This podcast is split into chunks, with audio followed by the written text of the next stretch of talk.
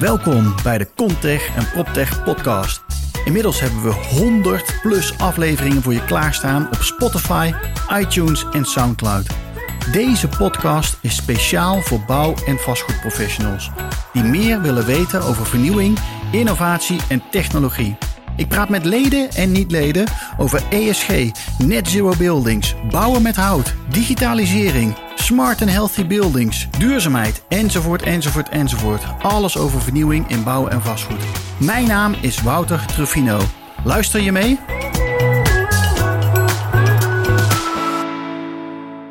Goedemorgen allemaal. We gaan weer een, een dag uh, maken met allerlei uitzendingen over hoe is het nu met. Tijdens Hoe is het nu met gaan we in gesprek met een aantal mensen die bezig zijn om een beter gebouwde omgeving te creëren. Dat doen ze allemaal op verschillende manieren. Dat zijn start-ups, scale-ups, maar ook corporate partijen binnen de bouw- en vastgoedomgeving. We gaan met ze in gesprek en we willen eigenlijk de mens leren kennen die daarmee bezig is. Dus het gaat wat minder over de, uh, het bedrijf zelf, maar wat meer over de mensen en uh, kijken wie we aan tafel hebben. Vandaag hebben we aan tafel Anke Rolfing van White Linus Technologies. Goedemorgen Anke. Goedemorgen. Daan Grasveld, de Urban Jungle Project. Goedemorgen Daan. Goedemorgen. Jan van der Doelen van ING. Goedemorgen, Goedemorgen Jan. Goedemorgen Wouter. En Johan Ronner van Area of People. Hey, goedemorgen. Hebben jullie er een beetje zin in? Zeker. Ja, zeker, ja zeker. Anke, um, om met jou te beginnen. We beginnen altijd met de vraag van... Joh, wat is je opgevallen in het nieuws uh, deze week?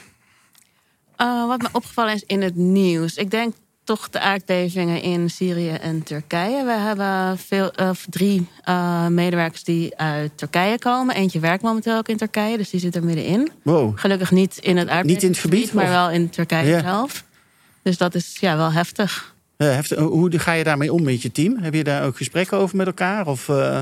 Ja, we hebben wel gesprekken daarover gevraagd. Of, ze, ja, of hun familie veilig is natuurlijk. En of alles goed gaat. Ja. En het gaat goed? Of, uh... Gelukkig uh, kennen ze zelf geen mensen in het gebied. Of hebben ze geen vrienden of familie in het gebied zelf. Dat is wel heel bijzonder, want het Ja, is echt een immens gebied. gebied, ja. 23 miljoen mensen wonen volgens mij in dat gebied. Dat Ja, echt drie- 23 miljoen zijn er.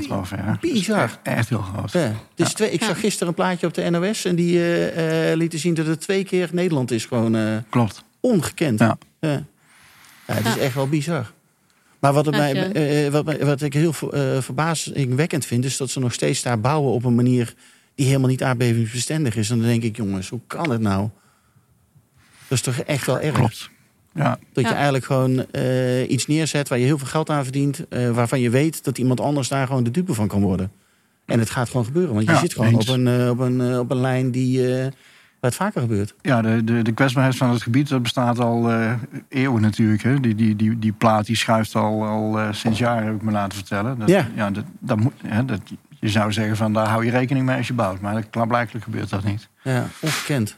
Ja. Ja. het is echt wel heftig, die beelden om, de, om te zien. Ja. Ja, al die ingestort gebouwen inderdaad, ja. Ja. De Japanners die zijn er verder in, zeg, geloof ik, hè? In het uh, aardbevingbestendig bouwen met houtconstructies. Ja, zeker. Ja, volgens mij Ja, het kan kennis ook. is er, zeg maar.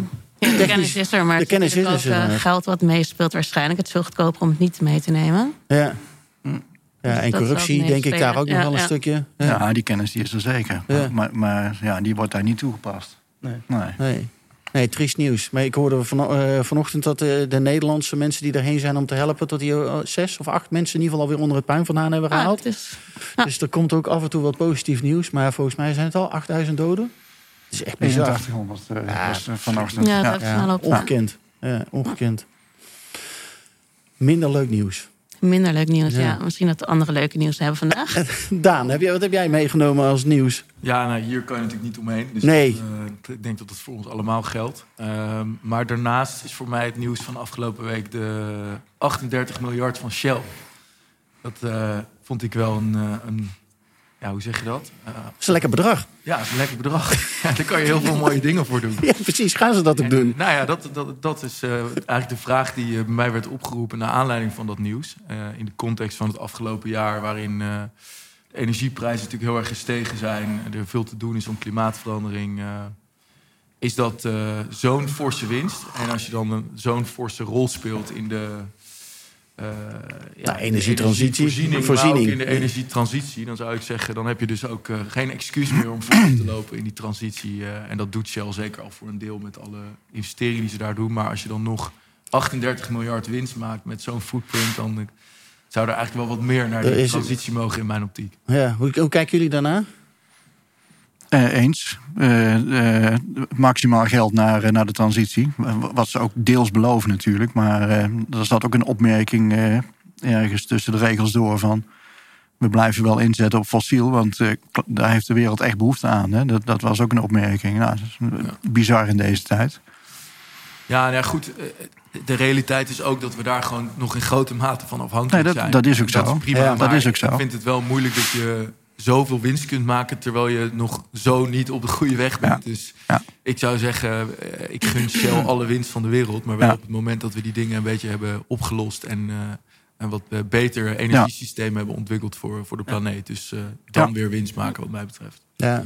Ja, ik vind het een moeilijke discussie. Want natuurlijk is olie en eh, alles wat zij doen... is natuurlijk de meest efficiënte manier nog om energie eh, eh, te, te genereren. Ja, we hebben het ook over Maar- transitie. Hè? Dus Ja, de, de weg naar iets nieuws. Hè? De, ja, de dat weg naar zou- iets nieuws. Dat betekent niet dat je alle schepen achter je meteen kunt verbranden. Dat gaat gewoon niet. Dat is onmogelijk. Ja. Maar je zou er wel wat harder op kunnen inzetten. Ja, vooral met die Ja. winst kan je inderdaad mooie Ja. dingen doen om het wel te versnellen. Ja. En Shell is natuurlijk wel bekend om zijn, eh, zeg maar, zijn scenario's die ze maken. Van 15 jaar, 30 jaar. Dus hele goede scenario-analyses.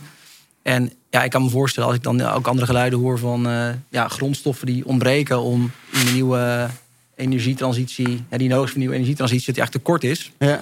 om eh, alles te bouwen voor batterijen en dergelijke. Dus Shell is denk ik ook een partij, maar ik, ik, is even een aanname, hè, die dus kijkt van, hey, kan, ik, kan ik hier volop inzetten? Of is alles aanwezig om hier nu 30 miljard in te stoppen? Of hebben we nog dingen op te lossen? Ja. Dus niet alles is met research op te lossen. Hè? Eh, merk ik. Het is heel makkelijk om te zeggen, investeer daarin. Maar hebben, we- hebben de case ook, zeg maar, in beeld. Nee, ja, kunnen, ja. We ook, kunnen we ook iets maken waar we gewoon 20 jaar op vooruit gaan? En is alles daarvoor aanwezig? Zijn we erop georganiseerd? Nou ja, volgens mij zijn al die grote bedrijven, zijn wel, al die oliebedrijven zijn wel allemaal bezig met waterstof. Eh, Ja. ehm, en dat is natuurlijk wel een interessante Ja, ze- toekomst. Ja, ze zijn Ja. met alles bezig. Ja. De vraag is of het eh, hard genoeg gaat en voldoende is. eh, Ja. Eh, qua, Ja. qua, qua, eh, qua energie die ze erin stoppen. En, eh, en ook financiële middelen natuurlijk. Ja, ik denk dat het ontzettend ingewikkeld is. Ik- Maar volgens mij is Is ik het vond het mooiste initiatief vind ik ook die jongens van die bezig zijn met Just Enough. Die ook zeggen van jongens, we kunnen wel alles gewoon, we moeten gewoon minder gebruiken.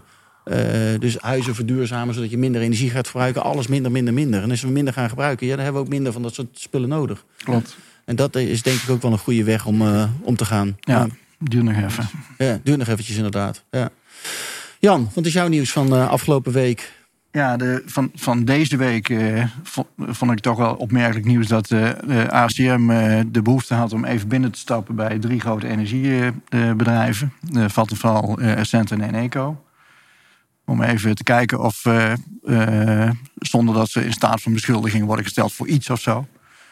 Om toch maar even te kijken of, eh, of die bedrijven zich eh, aan, eh, aan de afspraken houden. Voor wat betreft de prijzen die doorberekend worden. En of dat zeg maar, in, redelijke mate gebeurt. Hè? Ja. En niet eh, dat er misbruik gemaakt wordt van welke situatie dan ook. dat vond ik wel opmerkelijk. Dus gistermorgen stonden ze bij alle drie op de stoep. Om, om even een check te doen. Dus dat, eh, Nou ja, het is wel vreemd dat eh, de energieprijzen al lang is het Ja. eh, gas op niveau van Ja. voor de oorlog. Terwijl wij eh, als bedrijven en privé maximaal eh, betalen nog. Ja, als je nu zegt het- voor de oorlog. Dat klinkt als, als dat mijn oma zeg maar praat. Ja. Dat kunnen we nu gewoon weer zeggen. Ja, is bizar. Ja, zo is het. Ja. Ja, het is heel bizar. Ja. Nee, het duurt, het duurt natuurlijk even. Maar waarom duurt het zo lang? Want Nou alsof ja, ze nu nog steeds inkopen voor die dure prijs. Nee, natuurlijk niet. Nee, dat, dat, dat, Dus- dat zullen ze nu niet doen. Nee, nee. Nee. want eh, de prijzen zijn natuurlijk eh, eh, ontzettend veel eh, gezakt. Ja. De- op, op, op, op het hoogtepunt deed het gas zeg maar eh, eh, eh, 340, zoiets in die geest per megawattuur. Ja, En nu zit dat nog op eh, 57, dacht ik. ja is bizar. Dus dat is echt veel minder. dat is veel minder. Ja. Maar goed, er zitten nog wel wat oude contracten in, in, in, in, het, in de prijsbepaling.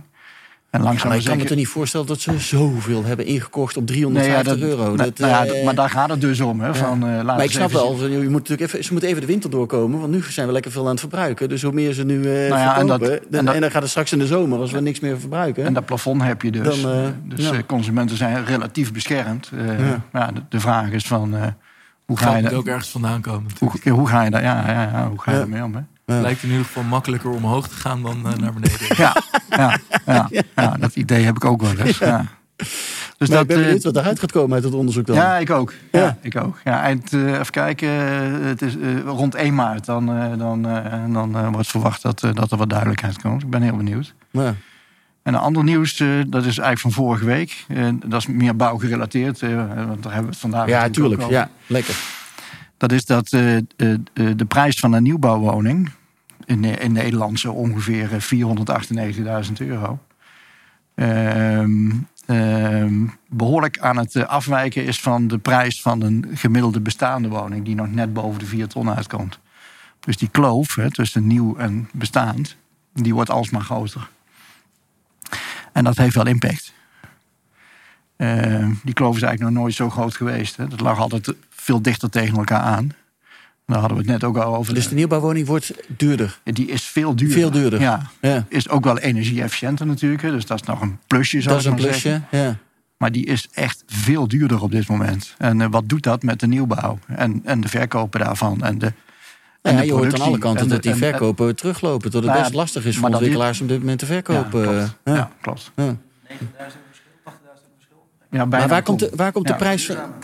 Maar waar komt het prijsverschil vandaan? Komt dat door de, door de rente? Nee, eh, want de rente is voor de bouw, eh voor de re- bestaande bouw natuurlijk net Rente zo heeft hoog als... wel eh, impact op eh, zeg maar de, de, de, de bestaande markt. Hè? Want eh, eh, mensen zijn wat voorzichtiger geworden. Eh, eh, leencapaciteit is, is iets, ver, iets, iets, iets omlaag eh, gekomen. eh, Ja. Doordat die rente hoger is. Eh, en dat betekent dat, eh, eh, dat de markt wat aan het verschalen is. Dat het aanbod groter wordt en dat de vraag iets minder is. En dan gaan die prijzen omlaag. Hè? Zo simpel is dat. ja. Ehm, maar dat kun je bij die nieuwbouwmarkt niet doen. Hè? Want die bouwkosten zijn hoog en, eh, en de grond is duur. Eh, en dat wordt allemaal vooruit gepland. Hè? Een gemiddeld project eh, gaat wel twee, drie jaar vooruit voordat je. Nee, die, ja, die prijzen zijn natuurlijk allemaal vastgelegd. dat, dus dat, daar, dat, daar zit ligt allemaal weinig vast. in. Dus Ja. daar, daar kun je niet zo heel veel mee. Nee. Maar goed, we constateren wel dat die kloof groter wordt. Dus dan zou je ook kunnen bedenken van als consument van nou, ik koop niet nieuw, want dan moet ik twee jaar wachten. Dat duurt lang. Maar ik koop iets bestaans, hè, waar het aanbod weer wat groter is. En dan eh, ga ik daar gewoon in investeren. En dan, zorg ik dat verduurzamen? en dan gaan we dat verduurzamen. Ja, ja. Dus ik ben heel benieuwd hoe, hoe, hoe dat zich gaat ontwikkelen de komende tijd. Maar goed, eh, Maar ja, we hebben ook nieuwe woningen nodig. We Precies, toch 900.000 nieuwe woningen nou, nodig. Wie gaat die dan kopen? Ja, ja, ja. ja. Eh, Dus we gaan allemaal bij elkaar wonen in hetzelfde huis. maar de vaart is er even uit eh, op dit moment. De vaart is er even uit. Nou, ik ben benieuwd. Johan, wat is jouw eh, nieuws van afgelopen week? Ja, als ik zeg maar de klant lees, dan ben ik altijd iemand die een beetje probeert de extreem op te zoeken. Om te kijken van, hé, hey, ik probeer niet één ding eruit te pakken en elke keer de krant op een bepaalde manier te lezen. Maar ook van, hey, waar maken mensen zich nou druk om? Hè? In het ene uiterste van het spectrum met het andere. Ja. Wat ik eh, afgelopen weken twee mooie artikelen vond was... eh, en ik denk dat het even ook zo'n beetje naast elkaar zit... was van de CEO van Axel Nobel. Hè, en die zei van, het is, gaat echt... eh, Europa bevindt zich in een hele gevaarlijke situatie. Dan had hij het over de, de stijgende zeg maar, kostprijzen van, eh, van grondstoffen. En als een Ja. verfproducent Ja. als gevolg van energieprijzen. En daaronder stond een artikel van eh ene Teun eh, Toebus, of Toeben. En die was, maakte zich druk over het feit dat mensen die dementeren, dat, die, dat er steeds meer worden. En hij zei, ik wil de wereld voor die mensen verbeteren... en ik ga voor twee jaar lang in een huis voor dementerenden wonen. En daar heeft hij een boek over geschreven. Dat schijnt heel goed te verkopen. Toen dacht ik bij mezelf, hey, wie vind ik nou interessanter? Hè, de CEO van Axel Nobel die zich druk maakt over kosten... Ja. Of een jongen van 22 die zich druk maakt over eh, De, de, de oude de generatie. generatie. Nee. En, en wat, en wat dacht je toen? Wat vond je interessanter? Nou, ik vind, eh, ik vind persoonlijk eh, vind ik, eh, zo'n Teun Toebe interessanter. Ja. Omdat ik denk van... ehm, een tijdje daarvoor stond een artikel in het FD over burgerschap. Hè, er stond over jongens, we moeten met z'n allen in de maatschappij alle dingen doen. En wat is, nou, wat is er nou in deze tijd ook een soort uitdaging? Gewoon als, voor ons als mens. Ja. En toen zei die schrijver van... ehm, je ziet dat mensen zichzelf, ook zelfs in Europa, reduceren. Het burgerschap tot ik werk hier, ik betaal belasting. En eh, dat is mijn bijdrage aan, eh, aan deze wereld. En dan mag verder het systeem het oplossen. Heel transactioneel. Ja. en, En heel erg op de ik gericht dan ook, ja, denk ik. Dus de ene. Ja, dus ik denk van. ehm, als zo'n, ik denk dat zo'n CEO een voorbeeld kan nemen aan zo'n jongen die zegt van ik ga in zo'n huis zitten en wat kan ik daaraan bijdragen? Ja. En eh, wat kan ik doen? En ik denk dat ehm, als ik even naar als je gewoon naar kijkt naar onze belasting wat we betalen, even naar kosten, hè? dus even ik denk dat kosten een realiteit is waar we mee zitten. Als iedereen zo denkt van ja, ik moet alleen een beetje kosten besparen en dan is het oké. ja, een heel groot deel van je uitgaven gaan naar het oplossen van uitdagingen hè, in, Ja. in Nederland. Ja. En eh, als ik zou kunnen zeggen, goh, of ik betaal 30% aan zorgkosten, hè, of ik ga 5% van mijn kosten betalen in het helpen van mensen, hè, en daardoor gaan misschien de zorgkosten naar, Naar beneden. naar beneden, is die Ja. rekensom interessant. Ja. Dus ik zat laatst met mensen aan tafel en die zeiden van... hé, hey, eh, zag ik de eenzaamheidsstatistieken in Nederland. Hè, dus dat is goed om even door welke lens kijk je naar een land. Wat is nou onze uitdaging van de maatschappij? Nou, dan zie je Eindhoven, 40% is eenzaam. Amsterdam, 55. eh, Utrecht, eh, een gemiddelde stad. ja, daar scoren wij niet zo best op als Nederland. Hè? Een gemiddelde stad. En ik woon in de buurt van Zaltbommel. Dan denk je, nou, hartstikke leuk. Een dorpse stadje. Eh, dat je zeg maar rond... Dat is ook, 80 procent. nee, ik doe elke week mijn rondje. Maar um, Oh, jij helpt. lid ja. van de Zuiderboelvereniging. Maar, Ja, het is maar 2 procent daar in Zalbommel. Zalbommel is heel gezellig. Nou, toch best voor, ook rond 40. En toen dacht ik, hé, hey, maar dit is best wel... Ik geloof dat zeg maar ehm, eenzaamheid, staat, eh, eenzaamheid staat gelijk aan, aan, aan het roken van 12 sigaret- sigaretten per dag. Dat zeggen ze. Ah, en zo wel? 12 sigaretten per dag. Dit is een onderzoek. Oké. Qua gezondheid. Ja. Eh, Ja. Ja, er is een Maar soort, hoe slecht dat voor je is eigenlijk Ja. om eenzaam te zijn. ja, er is een soort van tap talk, geloof ik, die zegt dan van... Hey, ehm, zeg maar, wat heeft de meeste impact op, op gezondheid van een mens? En je ziet als het gaat over... Dan zegt ze dat 50% is sociaal, eh, zeg maar. eh, een social factor. 20% is je woonomgeving, 20%... ehm Zijn dan de financiën of zo? hè, De financiën? Ja, nou, is, is eetgedrag in dat geval. ja. Eten, nou. Dus zeg maar de sociale factor in de maatschappij, wat wij, hoe wij elkaar beïnvloeden, hoe wij met elkaar omgaan, hoe wij, aan wie je relateert, heeft ontzettend veel impact op van alles. En dan vind ik het interessant dat zo'n. eh, eh, dat als je CEO bent van zo'n groot bedrijf, van waar maak je nou echt druk over? Waarom gaat het niet goed in Europa? Dan zeg je nou, kosten. En iemand anders zegt, ja, we moeten wat We meer voor meer elkaar voor elkaar betekenen. doen. Ik ga gewoon twintig jaar lang...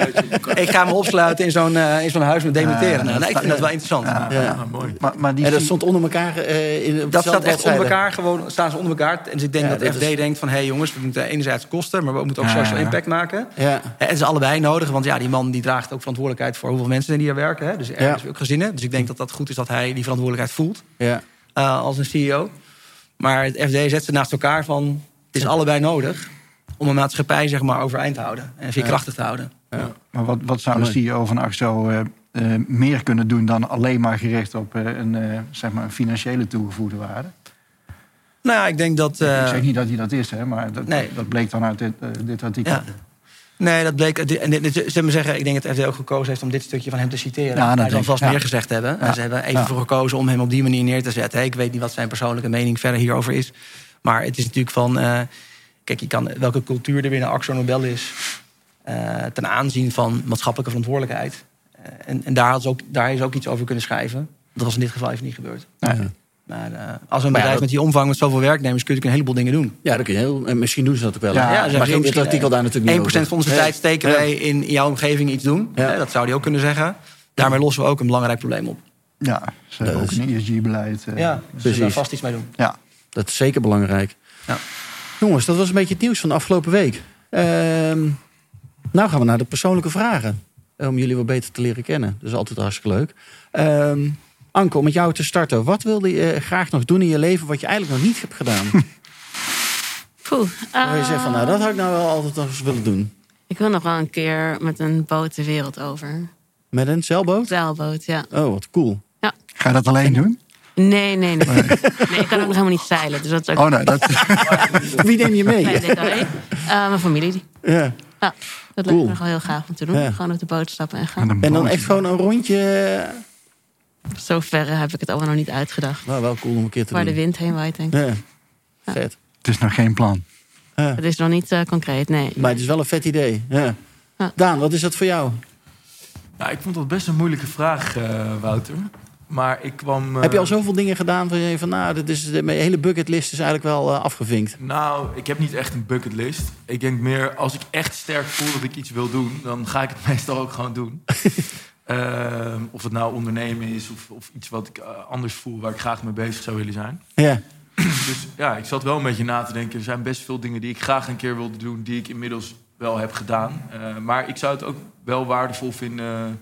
Ik heb best veel gereisd voor werk en eh, eerder... maar ik zou het wel waardevol vinden om in mijn leven... één keer mijn leven op een andere plek op te bouwen dan in Nederland. Gewoon om kennis te maken met echt een Andere Ja, cultuur niet, of... eh, eh, Misschien niet in Engeland of in Duitsland of zo, maar echt op een plek waar het ook fundamenteel iets anders werkt. In Ja. Azië of in Zuid-Amerika.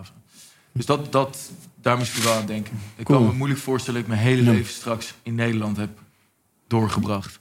Ja. Terwijl het wel een heel fijn land is om te wonen. Ik heb het eigenlijk altijd eh, eh, wel gehad. Ik had altijd zoiets van, nee, ik blijf gewoon lekker in Nederland. En ik ga lekker hier gewoon mijn ding doen. Eh, maar mijn broertje die woont nou vijf jaar in Dubai. Nou, we komen daar toevallig af en toe vanwege ook die challenge die we voor Aymar Ja. gedaan hebben. Ah, ik vind het waanzinnig wat hij daar doet. Ik vind het heel knap. En ik zou dat eigenlijk ook wel... oh. Aha. Maar ja, nu met kinderen, het is lastig. Ja, Dus mij zijn nou 12 en 9. Dan wordt het toch lastig om die stap te maken. En we hebben jou hier ook nodig natuurlijk. Oh. ja, maar jou ook toch? Ja, zeker. Nou, maar wel een gaaf idee. Jan, wat is het voor jou? Wat zou Ja. jij nog, eh, wat zou je nog willen doen? Wat je Ja. nog niet gedaan hebt. Heel erg lastig. Ik, eh, ik, ik, eh, ik denk dat ik de oudste aan tafel ben. Eh, dus ik, ik heb al meer jaren achter me dan dat ik nog voor me heb, eh, zo ongeveer. Dat, eh, dat is wetmatig zo. Dus Nou ja, hoe lang werk jij ook alweer bij de ING? De- eh, ja, 40 jaar. 40 jaar, ja, Ja. precies. Ja, Ja. Dat is, is zo Ja. lang hebben wij met z'n allen niet gewerkt. Nee, hè? Nee. Dus ik, heb, ik ben wel het hele, eh, mijn hele leven in Nederland gebleven. Wat Ja. dat betreft. Dat is me prima bevallen. eh Dus, Jan. ja, zeker. Ja, absoluut. Maar een guilty pleasure, dat eh, zou nog zijn om, eh, om, om een keer de Route 66 eh, te doen in Amerika. Eh, alleen op de motor. Oh, wat vet. Maar goed, dat is niet zo duurzaam natuurlijk. Nee, nou ja, Nou, je motor. je kunt, je kunt te- te- tegenwoordig elektrisch, ja, dat, Ja. dat gaat. Alleen eh, die actieradie is nog niet zo heel hoog. Ik denk, het zou best een goede marketing stunt voor een eh, fietsenmerk zijn. Dat jij op een elektrische fiets de Route 66 gaat rijden. Met ING een beetje oh, erachter. Bij ING als sponsor. Ja, ja. dat, dat, dat, dat, dat zou kunnen, ja. ja. Elektrisch. nou vermogen nog geld nodig? Het is wel, een, ja. precies. Ja. Het is wel iets van 6000 kilometer, hè, dus eh, Ja, ja, je gaat er wel even mee bezig. je bent er wel even zoet mee. Ja. Stap je halverwege op? Ga je bij Albuquerque opstappen of zo? Ergens, Dat kan ook. Ja, Arizona. kan ook. Ja, kan ook. Ja. 1400 kilometer. Ja, dat lijkt me verschrikkelijk mooi. Ja. Ja, dat is wel gaaf om te doen. Maar niet een andere werkgever, dat zou je ook niet nog een keer... eh, Eh, nee, die kans die acht ik niet meer zo groot eh, op dit moment. Nee. Nee. nee, ja, heel knap wat je gedaan hebt, Jan. Ja. Dat is echt heel bewonderenswaardig. Nou, de kunst is om, om, om de lol in te blijven houden. Dat, maar dat raad ik iedereen aan. Om, om dat sowieso het plezier te blijven zoeken in datgene wat je doet. Ja, heel belangrijk. Ja. Goeie tip. Jo- Johan, wat is het voor jou? Ja, ik ga toch een heel klein beetje een ander antwoord geven. Maar kijk, ik ben ook iemand, denk ik net Daan, die, die eh, zijn dromen uitvoert. Hè? Dus als ik een droom heb, dan ga ik dat doen. En anders, als ik dat niet aan doen ben, ben ik het verkeerde bezig. Zo zit ik echt in elkaar. Ja.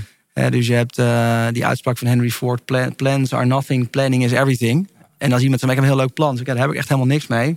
Ga, waarom ben je het niet aan het doen? Ja. Eh, dus, ehm, nee, maar als ik even, dat ligt misschien ook in een andere vraag, maar kijk, mijn droom was, was onder andere toen ik Earth People startte, was van ik wil ook, ik wil eigenlijk dat deze maatschappij meer, dat we als meer gaan zien als een soort huis, als een soort thuis. En, en als je naar buiten loopt, dan komt iemand, als ik op straat ben, loopt iemand mijn huis binnen. En hoe kan ik het voor hem, hè, en, en, en- hoe kan het zorgen dat hij zich thuis voelt? Ja. En, eh, en eigenlijk is mijn visie om eigenlijk een heel simpel plaatje. Is als ik in een stad kom, dat dat meer een dorpje wordt. Als ik twee grote gebouwen zie, zoals die daar. Hè, bijvoorbeeld pak strijp S. Dat mensen in zo'n gebouw, wat gewoon perfect strangers zijn, kunnen zeggen: hé, hey, ik eh, ga vanmiddag, eh, ik zet even de tafel buiten op het plein. Wij gaan samen even lunchen. Of we gaan een touwtje trekken of een oud-Hollands spel. We gaan zo de boelen, maar we gaan gewoon hier. Wat je op een camping gewoon wel doet, hè? Ja, Nou, hartstikke leuk. Eh, waardoor het karakter van zo'n van zo'n stad echt verandert. Waardoor mensen zeggen, hé, hey, moet je kijken, wat een gezellige plek. Hier voel ik me meer door thuis. En ehm, als ik zeg maar in een aantal steden kom en ik zie dat gebeuren... dan heb ik mijn droom gerealiseerd. Dan ben ik klaar met wat ik, waar het voor was. Hè, dus dat is, en daar, daar zijn we nog niet, dat zijn we nu aan het doen. doen. Ja. En dat wil ik ook op een bepaalde schaal doen. Maar ehm, voor, mij gaat, voor mij is dat mijn bijdrage, mijn droom. Die ik denk ik, nou, dan heb ik mijn bijdrage aan de maatschappij geleverd. Dus je zit midden in je droom. Je Ik zit, daar, ik zit daar middenin, ja. Ja. Goed. Het is wel grappig als je in het buitenland komt. Dan zeggen mensen altijd over de Nederlanders hoe sociaal we zijn. En Ja. dat we met iedereen eh, goed kunnen en Ja. omgaan. Terwijl we binnen Nederland, eh, heel vaak in Amsterdam, je, hebt geen contact met je buren. Je spreekt nooit met elkaar af. En eh, eigenlijk die simpele dingen die jij nu noemt, Ja. die, die zijn best schaars. Ja. Misschien niet overal, maar in de stad denk ik wel. ja. Terwijl het zo meer, makkelijk ja. kan zijn. En wat doet dat bijvoorbeeld op, op, op het zorgvraagstuk dat, we en Exact. met eenzaamheid? Dat je Ja. gewoon wat vaker eh, Ja. iets simpels met elkaar doet. Ja. Nou ja, soort programma hoefde heet. Ja. Toen was geluk heel gewoon. Hè? Dat is zo. eh, ik las toen een tijdje geleden. In, was ik bij een woningcoöperatie. Zat ik in de wachtkamer. Toen las ik zo'n blaadje van hen. En het bestond dan eh, zoveel jaar. En er was een interview met mensen die 50 jaar lang al daar huurden. En die vertelden hoe zij vroeger in hun buurt met elkaar eh, op vakantie gingen. Vroeger. Ja, Ja, zij zijn in de buren en dan kwamen ze op elkaars verjaardag en in de straat. En, en toen zei ze, dat zijn we een beetje kwijtgeraakt met elkaar. Hè. We, heel veel, we hebben het altijd over, eh, we moeten progressief zijn. Ik weet niet precies, en conservatief is negatief en progressief is iets positiefs, hè, vaak in de politiek. Maar ehm, als ik die mensen hoorde, dacht hij daar anders over. Dan denk ik, hé, hey, die hele eenvoudige dingen. Waardoor, en, en nu alles, als ze ergens een, eh, een jeukje hebben of een pijntje hebben, dan gaan ze de woningcoöperatie bellen. Dan zeggen ze, ik even helpen. Ja. Ja, dat wordt uitbesteed aan het systeem. Eh, terwijl, ja, Vroeger los je het met elkaar op. Ja, Ja. Waarom zijn we, Ja. Hoe zijn we dat kwijtgeraakt dan? Ja. Zelfredzaamheid. eh, Ja, nou, die ik denk, weg, eh, is die weg eh, geappt, de zelfredzaamheid van de Nederlander? Ja, dat is een beetje een, Nou, een groot statement. individualistisch woord. Hè? Kijk, zelfredzaamheid Nee. is natuurlijk een bepaald woord. Maar er zijn natuurlijk heel veel factoren. Hè? Maar ik denk ook een, een doorgeslagen verzorgingsstaat helpt ook niet. Hè? Dus ik weet nog wel een vriend van mij die woonde een tijd heeft hij in het Alles buitenland gewoond. je geregeld. Nou, die woonde in eh, de Caribië. En toen kwam hij in Nederland, zei hij met een auto. Eh, ik stond met een kapotte auto langs de kant van de weg. Maar iedereen reed langs. Want iedereen denkt, hij is, hij is verzekerd, hij heeft alles geregeld. Ja, bel was, op een gegeven AOD. moment, er was op een gegeven moment een buitenlandse man. eh, die, zei, en die, die kwam langs rijden. En drie kwartier later kwam die weer langs. Die was dus teruggegaan. Die zei van, hey, even kijken of je daar nog staat. Ja. Hij zei, ik heb het ook een keer gehad als buitenlander. En die heeft hem toen geholpen. Hij zei, ik weet hoe Nederlanders zijn. Die denken dat je alles geregeld hebt. Ja. Alles is verzorgd. Ja. En die heeft hem geholpen met zijn auto. En hij zei, dat heeft me echt aan het denken gezet. Dus in ieder geval, dat is één dingetje. Is dat we met elkaar natuurlijk alles geregeld hebben. En alles weggeorganiseerd. En dan gaan we vanuit dat die ander dat ook heeft. Ja. Eh, waardoor we elkaar allemaal Ja, een beetje helpen. meer- Loslaten. Ja, gewoon een beetje laten gaan. Zo van, ja, weet je, jij jouw ding en ik mijn ding. Ja. Wel die individualisering die is wel doorgeslagen. Die is De verzorgingsstaat- ik denk niet dat de verzorgingsstaat doorgeslagen is. Want volgens mij zijn we eh, op, op onderdelen wel weer terug. We zijn op de weg terug aan het Ja, precies. Ja. Maar ik zei dat zijn dan de, de mentaliteit van de Kijk, misschien is die verzorgingsstaat aan het terugtrekken. Maar die verzorgingsstaat is nog niet uit ons. Hè, mentaal. Ja. Dus dat is wel, wij als Nederlanders zijn daarin. Hebben ons daarin op, zijn daarin opgegroeid, hebben onszelf daarin ontwikkeld. Ja, Dat is niet de volledige verklaring hoor. Maar nee. We gaan door naar de volgende Ja, vraag. ja oké, goed. Wat is jullie grootste prestatie? Wat zie je als jouw grootste prestatie? Anke, wat is jouw grootste prestatie tot nu toe? Oeh. ehm, ja, dat is een beetje een ongemakkelijke vraag. Mijn grootste prestatie. Eh, mijn co-founder zegt altijd dat mijn grootste prestatie is dat ik door ben blijven zeuren om voor onszelf te gaan beginnen. Heeft twee jaar geduurd overigens. En eh, ja, uiteindelijk hebben we een mooi bedrijf uit opgebouwd. Ja, Denk, cool. Ja. En daar gewoon voor En, eh, staan en dat gewoon doen. gewoon dat gaan doen. Ja, Ja. moet je lef hebben. En ja, absoluut. Ja. Want jullie zaten gewoon bij een bedrijf met z'n tweeën? Ja. Eh, Ja, veilig, in dienst? bij een groot, groot bedrijf, bij een groot ingenieursbureau. En ja, we hadden het al heel lang over dat we het zelf, ja, eigenlijk voor onszelf wilden gaan doen. En Twee jaar lang over gepraat op. van jongens, gaan we het wel doen, gaan we het niet doen? ja, ja, ja, ja. En uiteindelijk eh, tien jaar geleden toch gedaan. En wat was de reden om het dan toch te doen? Omdat wij ideeën hadden die we daar niet konden uitvoeren. Het ging te langzaam. We liepen ook heel ver vooruit voor waar ze daar dagelijks mee bezig waren en met wat wij in ons hoofd hadden. Ja. En nu tien jaar later zien we dat ze nu een beetje bezig zijn met ideeën die wij toen hadden. Dus jullie Dus- lopen ver voor. Ja, ja soms te ver. Soms te ver voor de troepenvrijheid. Ja, dat Ja. is lastig natuurlijk. Zolang je Ja. dat maar realiseert. Ja. Ja. Maar is het wel een mooie reis geweest? Is het het waard geweest om die stap te nemen? Absoluut, ja. Ik denk dat we helemaal niet wisten waar we aan begonnen tien jaar geleden. Heel veel geleerd onderweg, maar het is het zeker waard geweest. Ja, Ja, ja mooi. mooi bedrijf gebouwd. Leuk, ja, heel cool. Mooi team. Ja. Daan, wat is voor jou jouw mooiste prestatie, grootste prestatie?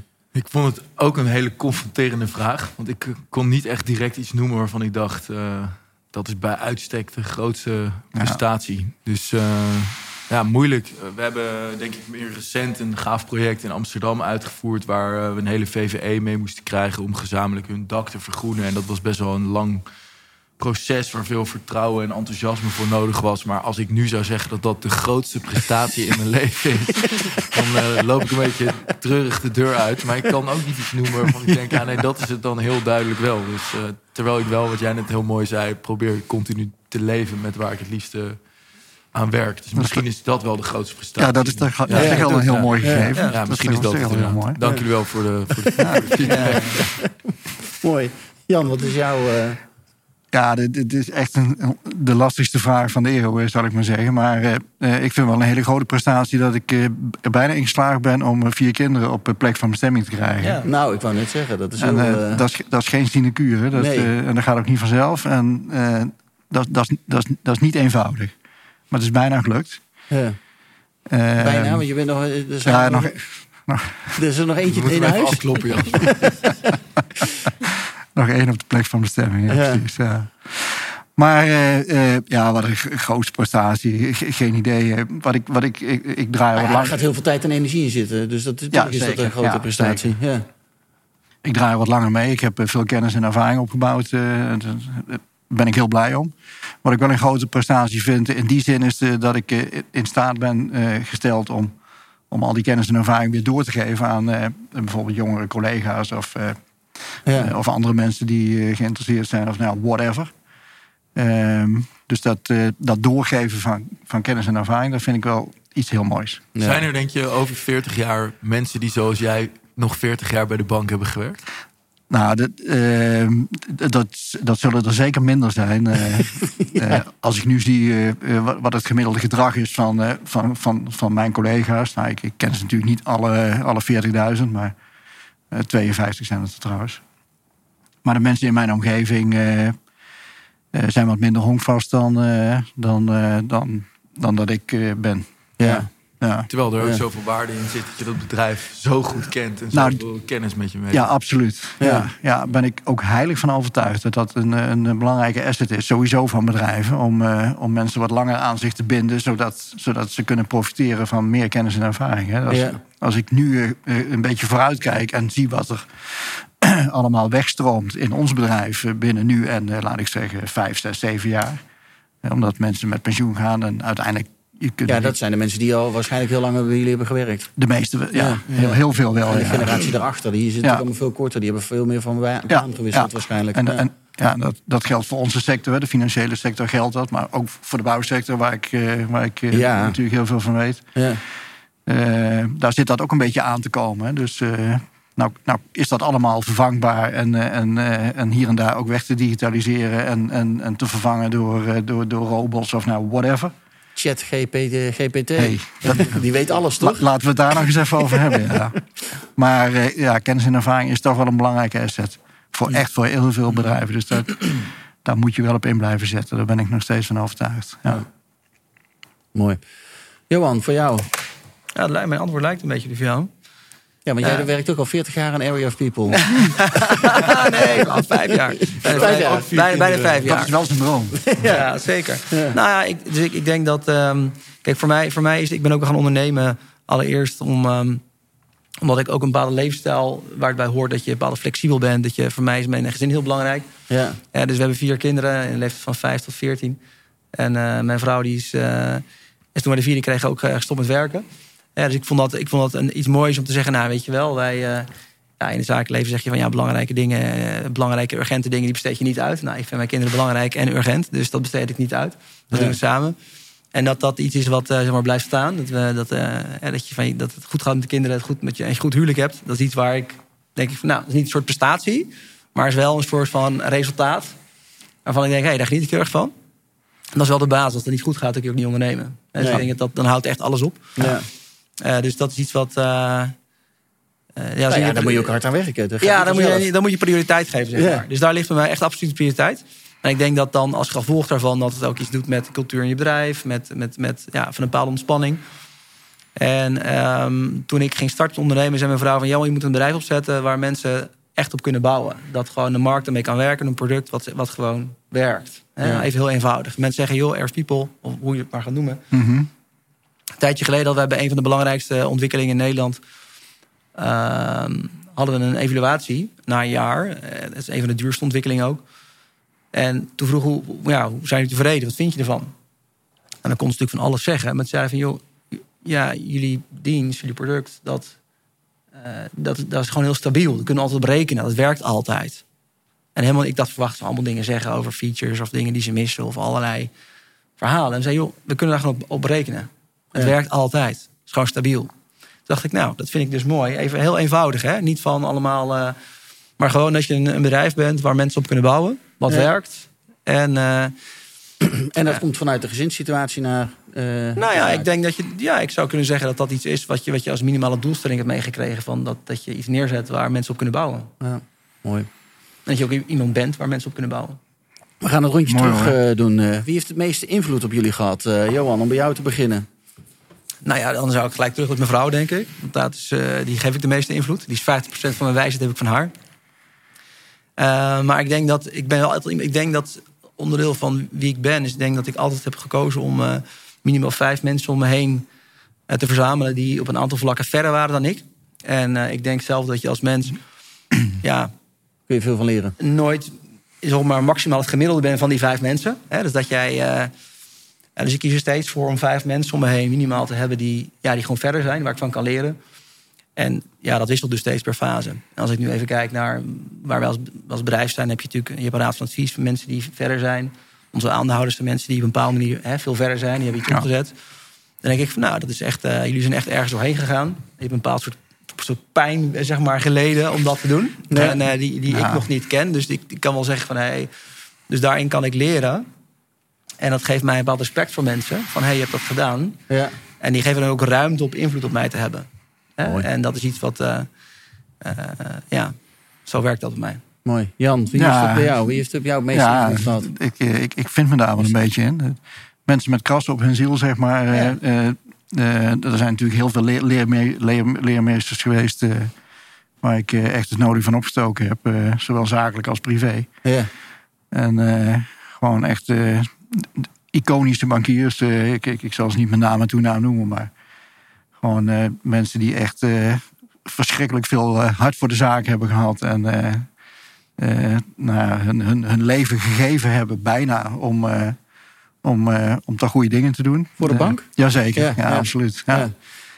En ja, daar leer je sowieso ontzettend veel van. Zaten dat soort mensen vaak op eh, eh, posities waar ze invloed op konden uitoefenen? Of waren dat ook mensen die gewoon in de organisatie... Allebei. eh, Ja, allebei. Ik kan me voorstellen Ja. dat dat niet Ja. uitmaakt, hoeft te maken. Ja, nee, dat hoeft, niet, dat hoeft niet uit te maken. Nee. Maar dat vind ik sowieso mooi, hè, als mensen met hart en ziel iets doen. Hè, gewoon het verschrikkelijke woord passie, maar dat, dat zit er wel een beetje in. Hè. Je, Ja. je, je, doet niet een kunstje, maar je doet het omdat je, omdat je, er, echt, omdat je er echt voor wil gaan. En dan, omdat je echt een soort bevrediging wil halen en, eh, en, en, en eh, ertoe wil doen, zeg maar, voor, voor iedereen waar je, waar je op dat moment iets voor wil doen. Ja. En dat is, ja, vind ik mooi. En die mensen zijn er echt genoeg geweest. Maar ja, ook, ook privé natuurlijk. Hè. Eh, mijn vrouw heeft mij eh, geleerd eh, hoe ik in elkaar zit, bijvoorbeeld. Eh, dat had ik zelf nog niet door. Daarvoor ben je bij elkaar. lastig. Ja. Ja, mooi. Daan, wie is dat voor jou? Nou, ik vind dus jullie allebei heel mooie antwoorden. Dus daar sluit ik me zeker bij aan. Voor mij ook mijn vrouw, mijn, mijn vader ook, met wie ik samen onderneem. Waar ik Ja. van leer, maar ook, eh, Ja, ook mooi. heel veel respect Heel voor cool. zijn eh, expertise heb. Maar ik heb specifiek één eh, coach gehad toen ik nog bij eh Picnic werkte hiervoor. Ja. En toen kwam ik op het punt dat ik zat na te denken van ja, eh, hoe zie ik de toekomst? En al- een beetje aan het nadenken was over het bedrijf wat we nu eh, nog steeds aan het opzetten zijn. En ehm, die zei op een gegeven moment, maak eens een tekening van je ideale wereld. Dat is eigenlijk een hele basale kinderlijke oefening. Maar dat heb ik dus toen gedaan. En eh, toen had ik twee tekeningen. Een hele figuratieve met een pad met mijn gezin in het midden. En reizen en koken, muziek maken, ondernemen, bomen op daken zetten. En de ander was een schematische vlakverdeling van hoeveel procent van mijn tijd ik aan dingen eh, wilde besteden. En toen zei hij, welke tekening ben jij? Toen zei ik, eh, ja, ik ben meer die eerste en die tweede, dat heb ik wat meer aangeleerd. En toen zei hij, ik zie nergens eh, picknick in je tekening. Eh, maar wel allemaal hele andere leuke dingen. Waarom ga je niet gewoon al die dingen doen die in die tekening staan? En toen zei ik, ja, als ik dat zou kunnen doen, dan, dan ben ik de gelukkigste man op aarde. Toen zei hij, ja, maar waarom ga je dat niet gewoon doen? Ja. Ik zei, ja, ik heb corona, het, was, het is corona, ik heb een klein zoontje net, net een nieuw huis. Toen zei hij, Daan, jij hebt tegen mij gezegd dat alle goede beslissingen in je leven heb je gemaakt met je hart. En alles wat je nu zegt zit in je hoofd. Dus volgens mij weet je wel wat je moet doen.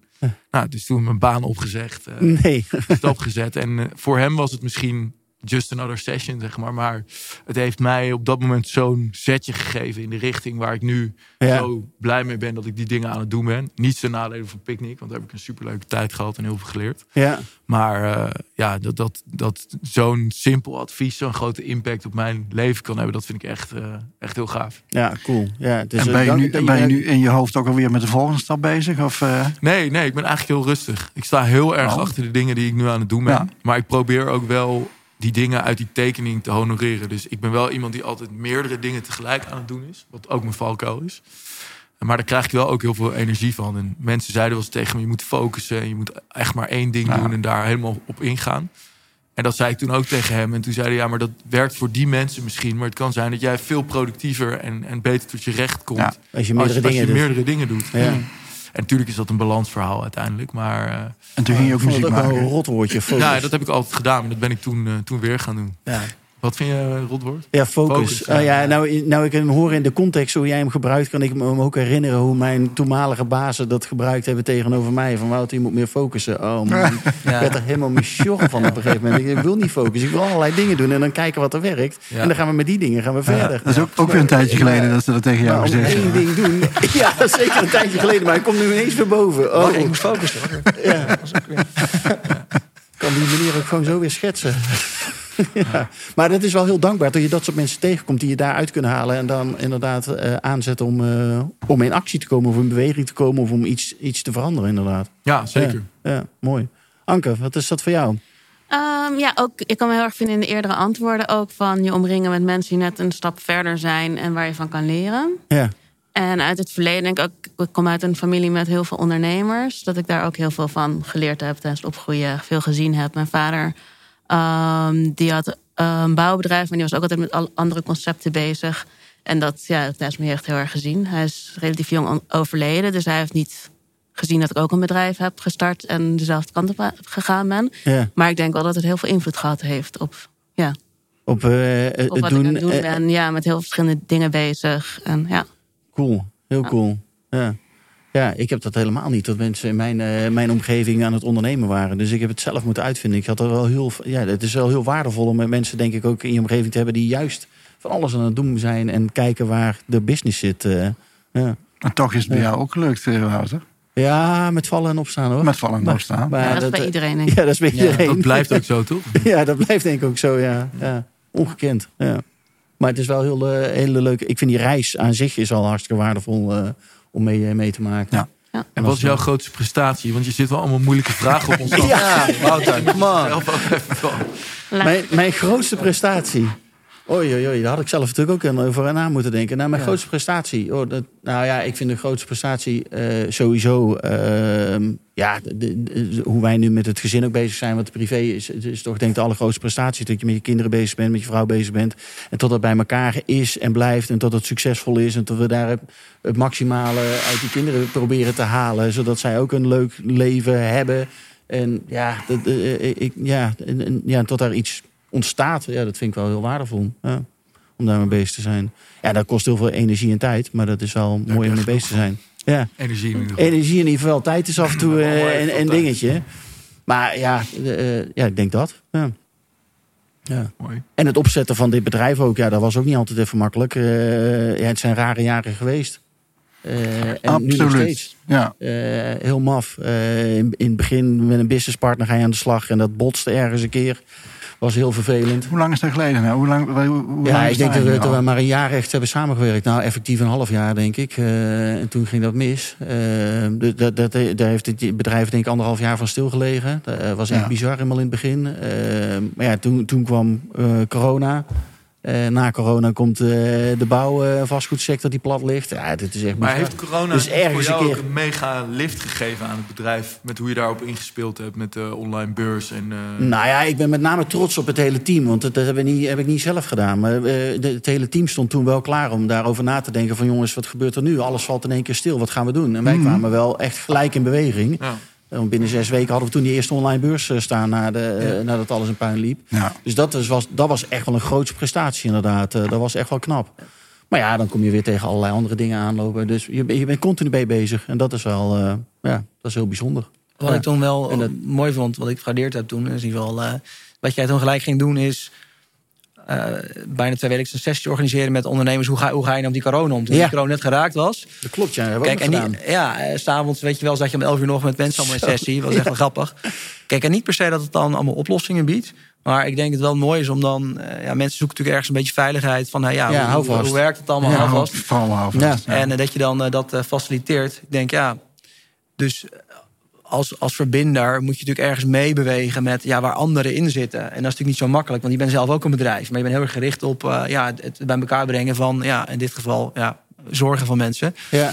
Maar ehm, Nee, dat klopt. Ja, mooi dat je het zegt inderdaad, Johan. Dat, ik was het helemaal vergeten. Maar dat waren sessies die wij om acht uur s'avonds begonnen ja, of zo. gingen we nog, gingen we nog houden met z'n allen. Ja. Dus ik, kijk, ik denk ook altijd van, hey, wie is iemand? Hè, dus dat betekent gewoon van op bepaalde momenten kun je iemand, op iemand rekenen of niet. Hè? Jij bent iemand die wel op bepaalde momenten schakelt. Ja, en soms ja, heeft dat wel meer rendement voor je dan andere keren. Als het moeilijk is in de economie. Maar het is wel een soort lijn die je neerzet. Ja. En ik denk dat is wat natuurlijk daarmee schrijf je, denk ik, ja, je eigen geschiedenis. Dus eh, ja, ik denk dat het. eh, zijn we allemaal aan het doen. ja, Maar dat, ja, Ja, nee, maar dat vind ik dus nou, dankjewel. Ja, dank Ja. Ja, dankjewel. Jongens, eh, moeilijke vraag inderdaad. Eh, over privé misschien ook wel af en toe. waar je mee bezig bent. hoe je in het leven staat. Maar nu natuurlijk ook over jullie bedrijven. Want dat is natuurlijk ook wel heel waardevol. Ehm, eh, waar ben je trots op wat je de afgelopen maanden bereikt hebt? Waar zijn jullie mee bezig? Daar ben ik heel benieuwd naar.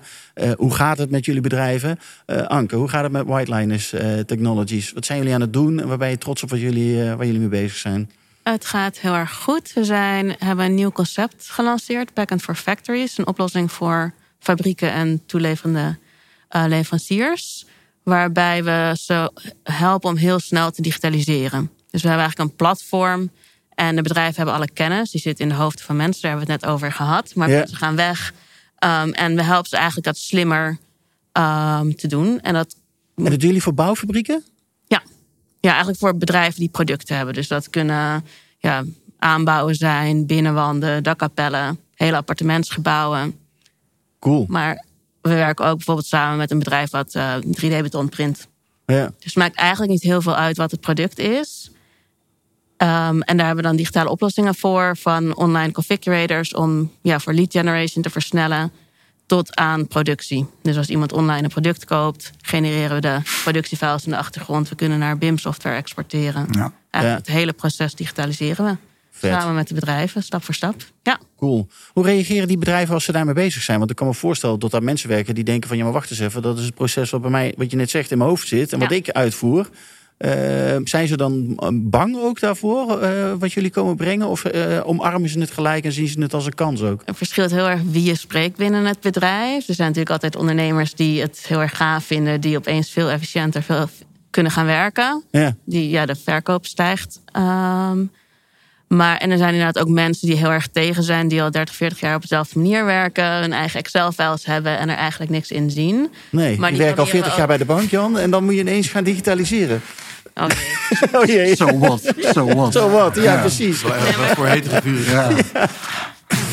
We proberen ze heel erg in het proces mee te nemen. En wat ze eigenlijk gaan doen, is ook meer de kennis modelleren. Dus eigenlijk kun je het product ook steeds slimmer maken... doordat je leert van wat er in het kennismodel zit. Ja. En die kennis blijven toevoegen. Ja. Maar hoe zie jij deze ontwikkeling, Jan? Want eh, ja, jij bent er al 40 jaar bezig. Nou, niet 40 jaar in de bouw bezig, maar je bent, je bent de, de- de laatste jaren echt wel in die bouw bezig. Ook Ja. met digitalisering. Ja, de helft, ja. Wordt het omarmd door de bouw? Ja, eh, digitalisering wordt wel om, omarmd. Ja. Eh, het antwoord is ja. Eh, maar Maar het kan, Kan nog beter, Het kan, kan nog sneller. beter. Het kan sneller. sneller. Ja. Ja, veel, veel sneller. Ja, Ja, ja, de bouw is natuurlijk, eh, eh, eh, heeft aanvankelijk een wat afwachtende, een, een afwachtende houding aangenomen als het gaat om digitaliseren. De, hè, de- Ja. eh, laat ik maar zeggen, we hebben toevallig daarover pas nog een rapport geschreven. ja, Eh, het laaghangend fruit is geplukt. Eh, dus de, de meeste bedrijven hebben, een, een, eh, zeg- iets zeg maar, gedaan. de basis, de basis eh, ingrediënten van digitalisering wel, eh, wel zo'n beetje geïmplementeerd. Dat, gros- grosso modo. Maar de volgende stappen zijn een stuk ingewikkelder. En dat, ja, dat is. Ehm, dat eh, kost tijd en dat kost geld en dat kost aandacht en dat kost focus. En eh, eh, dat zien we niet overal Ja. op, op, op, een, op een manier gebeuren waarvan wij denken van ja, dat, je zou daar toch een beetje tempo in moeten maken. Want eh, uiteindelijk voor de toekomstbestendigheid van je, van je businessmodel, want daar, daar gaat het natuurlijk iedere keer over. ja, is het super waardevol. Ja, is het noodzakelijk? Is het noodzakelijk ja, zelfs, het is ja. noodzakelijk. hè. We hadden het net over Ja. hè, die hoge bouwkosten en zo. Ja. Ja, het hoeft ook Als- niet heel erg ingewikkeld te zijn. En we zien heel erg met de bedrijven waar we Nee, werken... dat die ook ja. weer nieuwe businessmodellen krijgen, Ja. nieuwe ideeën krijgen. en dat die ook op een hele andere manier kunnen gaan werken. Eigenlijk veel Ja. slimmer, veel duurzamer Ja. vaak. Ja. Ja. Ja, dus dat- ik kan me dat- voorstellen dat er, als je daar eenmaal bezig bent, dat er heel veel energie ontstaat en dat er heel veel gave dingen Ja, ontstaan. dat Ja, als we binnen, Ja. bij bedrijven binnen zijn, dan ontstaat er echt wel iets. En veel energie. En echt wel een eye-opener van wat er dan kan. En Ja, Maar dat, dat zie je bij koplopers ook wel gebeuren. Hè. Het, eh, eh, het, het- zijn natuurlijk eh, de bedrijven die dit doen, zijn sowieso al verder met, met, met zichzelf opnieuw uitvinden of ontwikkelen of, of wat dan ook. Maar we zien ook dat zeg maar de, de, de, de, de waarde die zij toevoegen, zowel financieel als op andere vlakken, echt beter is dan, dan, eh, dan bedrijven die daar nog niet zo mee bezig zijn. die nog niet met die digitalisering bezig zijn. Nou ja, iedereen is Ja. wel op een bepaalde manier met digitalisering Iets bezig, ja. maar, maar die nog niet zo ver zijn. Ja. Ja. Ja, Ja, cool. Maar wat zou jij dan, eh, want ik kan me voorstellen dat je eh, ook bij bepaalde buitenbedrijven heel graag binnen zou komen waar je handen jeuken van, oh jongens, we kunnen jullie zo goed helpen als we met jullie zouden samenwerken. Heb je dat gevoel wel eens? heel vaak, ja. Ja. ja. ja, ja. En dan denk je, jongens, kom op, Ja, alsjeblieft. Ja. Maar ja, ik hoop dat, ze, eh, dat daar steeds meer beweging gaat ontstaan, en dat we die positieve voorbeelden kunnen blijven benoemen. Er is wel echt verandering zichtbaar. Dus ja, iedereen moet ook wel gaan digitaliseren. Want iedereen, ja, heel veel bedrijven zijn ermee begonnen. Dus je kan niet achterblijven. Ja, Maar veel bedrijven zijn ook zoekende van wat en Ja. hoe. ja. Ja. Ja, waar te beginnen. Ja, ja. Ja. ja, mooi. Daan, wat is het voor jou? Wat is, eh, hoe gaat het met die, die Urban, Urban Jungle Project? Nou ja, de- eh, ik zeg, je kan twee verhalen vertellen. Dus het gaat ergens heel goed. We zijn heel veel productontwikkeling aan het doen. Eh, we snappen denk ik steeds beter welke dynamiek er speelt in het vergroenen van de stad. En welke prakti- praktische en technische uitdagingen daar zijn. Maar ook welke spel eh, er wordt gespeeld meer in de... Vraag- en aanboddynamiek. Dus welke, welke factoren zijn van invloed op besluitvormingsprocessen en zo. Daar proberen we meer onze vinger achter te krijgen. Ja, Ehm, dus enerzijds nieuwbouw, anderzijds bestaande bouw. Nou, daar zie je inderdaad wel dat door die bouwkosten... dat eh, dingen wat langer duren en wat langer worden uitgesteld. Dus dat is ook meteen een uitdaging. ja. Wordt groen er dan ook uitgestreept?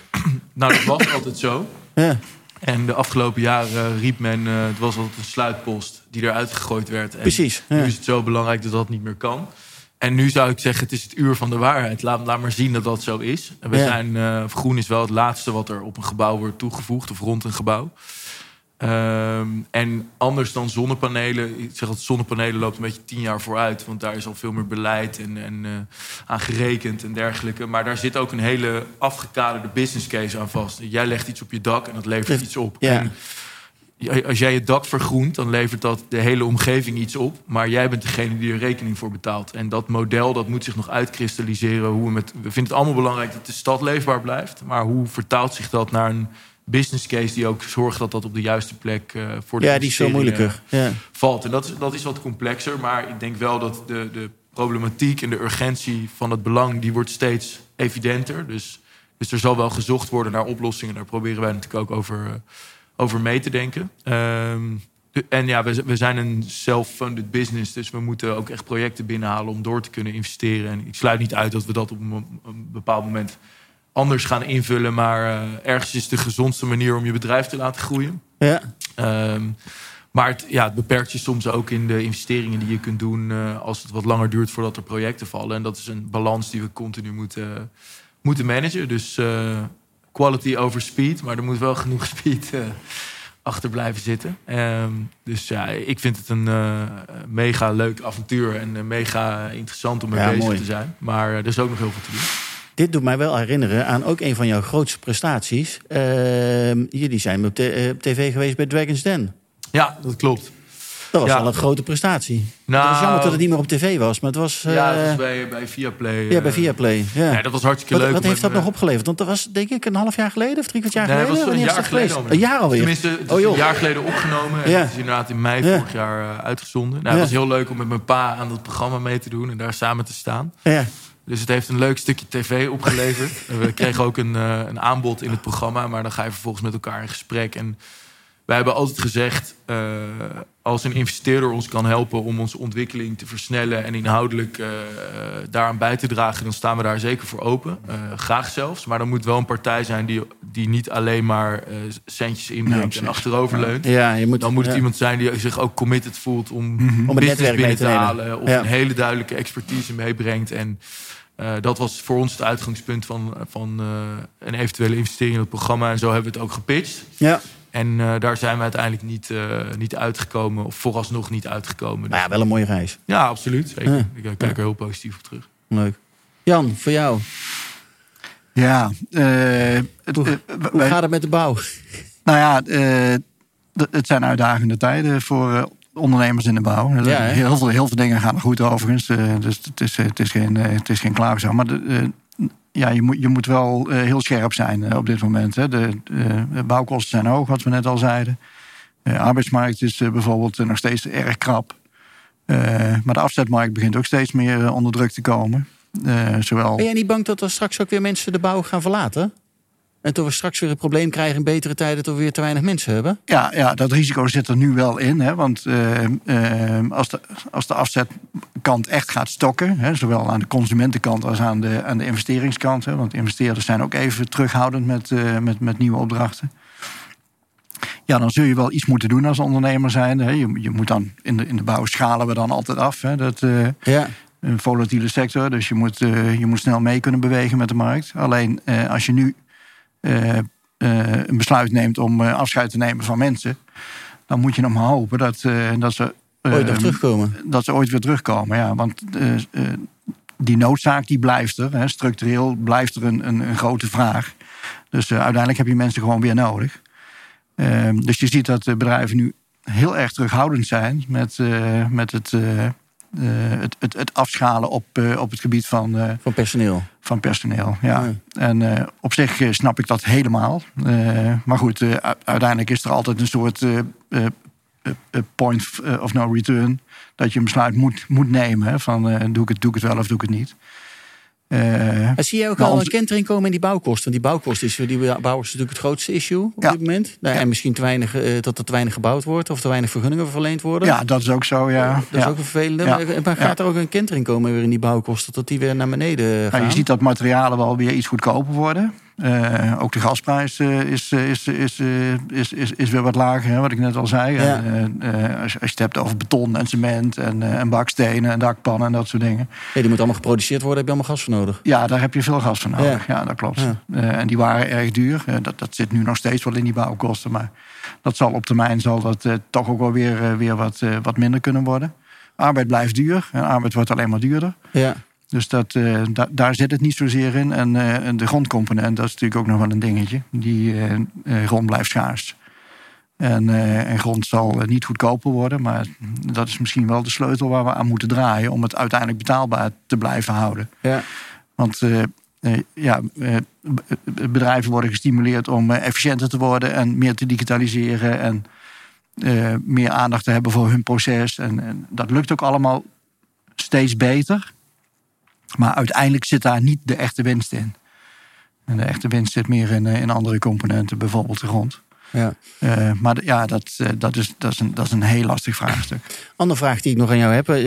in 2025 gaan de steden natuurlijk op slot. Dan mag je met dieselauto's Ja. steeds minder naar binnen. Ja. Zijn die bouwers nu ook allemaal bezig om hun hele materiaal en nou ja, dingen waar ze mee bouwen, kranen, dat soort dingen, om die Ja. CO2-neutraal te krijgen? Ja, ja, dat idee heb ik wel. En nou, er gaat geen gesprek voorbij of we, we proberen daar ook in te stimuleren, zeg maar. De- de- niet zozeer om eh, te vertellen dat dat moet eh, en, en dat dat belangrijk is. En, en, en, eh, omdat je zijn er ook al oplossingen voor?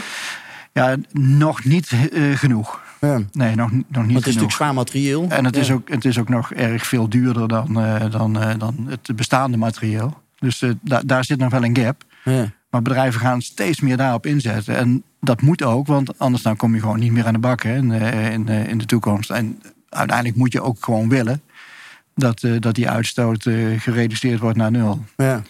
Sterker nog, er zijn ook al bedrijven die zichzelf ten doel gesteld hebben om, om zelfs bij te dragen in plaats van een, een, een zero uitstoot. Hè. Dus een net positief, zal ik maar zeggen.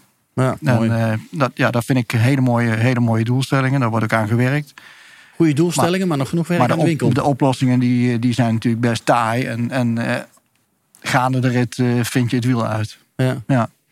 Interessant. Johan, wat is het voor jou? Area of We hebben People. nog een minuutje. Ehm, Ah, Nou, wij zijn, eh, kijk, de afgelopen vijf jaar is Airs People ontzettend veel data gebouwd, ontzettend veel geleerd. Eh, zag je dat de business case die we maakten heel erg op, op, op bedrijfsniveau zaten. De ene klant, daar kon je een business case van maken. De andere was dat ingewikkeld, want er zat daar een beheerder tussen. En, en dat, nou, hè, dus hoeveel bespaar je nou echt, hoeveel levert nou echt op?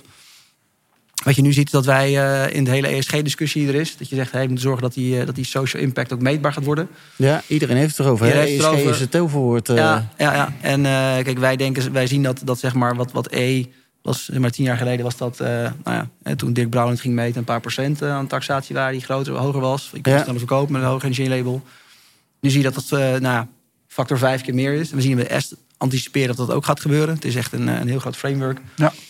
Eh, dus wij zijn heel druk bezig om ehm, al die data die we hebben, eh, zeg maar, te ontsluiten in, in, eh, en meetbaar te maken en ook stuurbaar te maken voor onze klanten. Ehm, zodat, dat, zodat ze daadwerkelijk kunnen sturen, kunnen investeren en kunnen rapporteren op, op social impact. En dat, dat, ja, dat zie je dat aan het begin gaat het met uitvragen. We zijn met berekenen bezig, maar we gaan ook daar AI voor inzetten. Zodat je ook kan zien van, hey, kunnen wij voorspellen...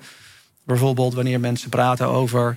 ehm, stel, hey, de service is dit en dit. Hè, en dan kunnen wij zo te zeggen, oké, maar dat zou in potentie zoveel impact kunnen hebben op jouw S. Hè, als Ja. mensen dit zeggen, of als, als mensen zeggen, hey, het onderhoud is dat en dat. eh, dan heeft dat sowieso veel impact. Waardoor jij weet in jouw fonds aan welke knop moet ik nou sturen om maximale rendement te halen.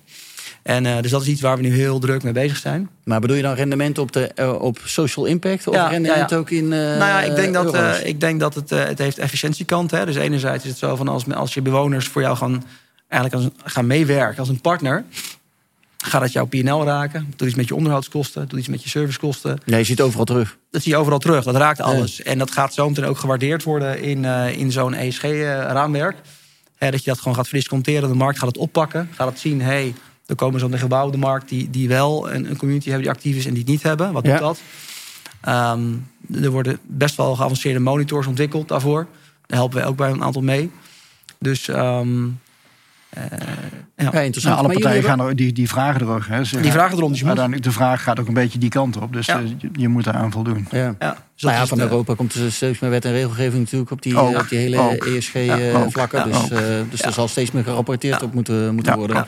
In plaats van een stukje tekst eh, over Ja. je social impact... moet je ook aantonen hoe- je dat hebt gedaan. Ja, je moet dat Ja. meetbaar maken. Dus Ja. ja. dus daar zijn we bezig. En tegelijkertijd zijn we bijvoorbeeld met een hele ISO-certificering bezig. Want hè, zeg maar de, de privacy-kant die wordt steeds scherper. Hè, security. Dus dat is eigenlijk staat het een beetje haaks op. Je mag eigenlijk niks, maar je moet alles. Ja, Dus om dat goed te organiseren, eh, moet je dat ook wel gelijk meenemen. ja. Van hoe kun je dat op een veilige manier doen? Hoe kun je dat in processen, ook in je organisatie borgen, dat dat allemaal. eh, ja. En, maar je hebt vorig jaar ook een behoorlijke funding binnengehaald, volgens mij. Eh, eh, ga je die investeren in de Nederlandse markt? Of wordt er ook nog, eh, kijk je ook al naar andere markten om te verbreiden? Nou ja, je- wat je ziet nu is dat wij in Nederland nog behoorlijk wat kunnen groeien. Ja. Maar wat je ziet is dat, dat ook maar, fondsen ons benaderen die maar voor 1% in Nederland zitten en zeggen: hey, we willen een impactfonds opzetten in Europa. Of we willen een, een onderscheidend fonds hebben. Kunnen we met jullie in Europa uitrollen? Dat we daarmee aan het kijken zijn.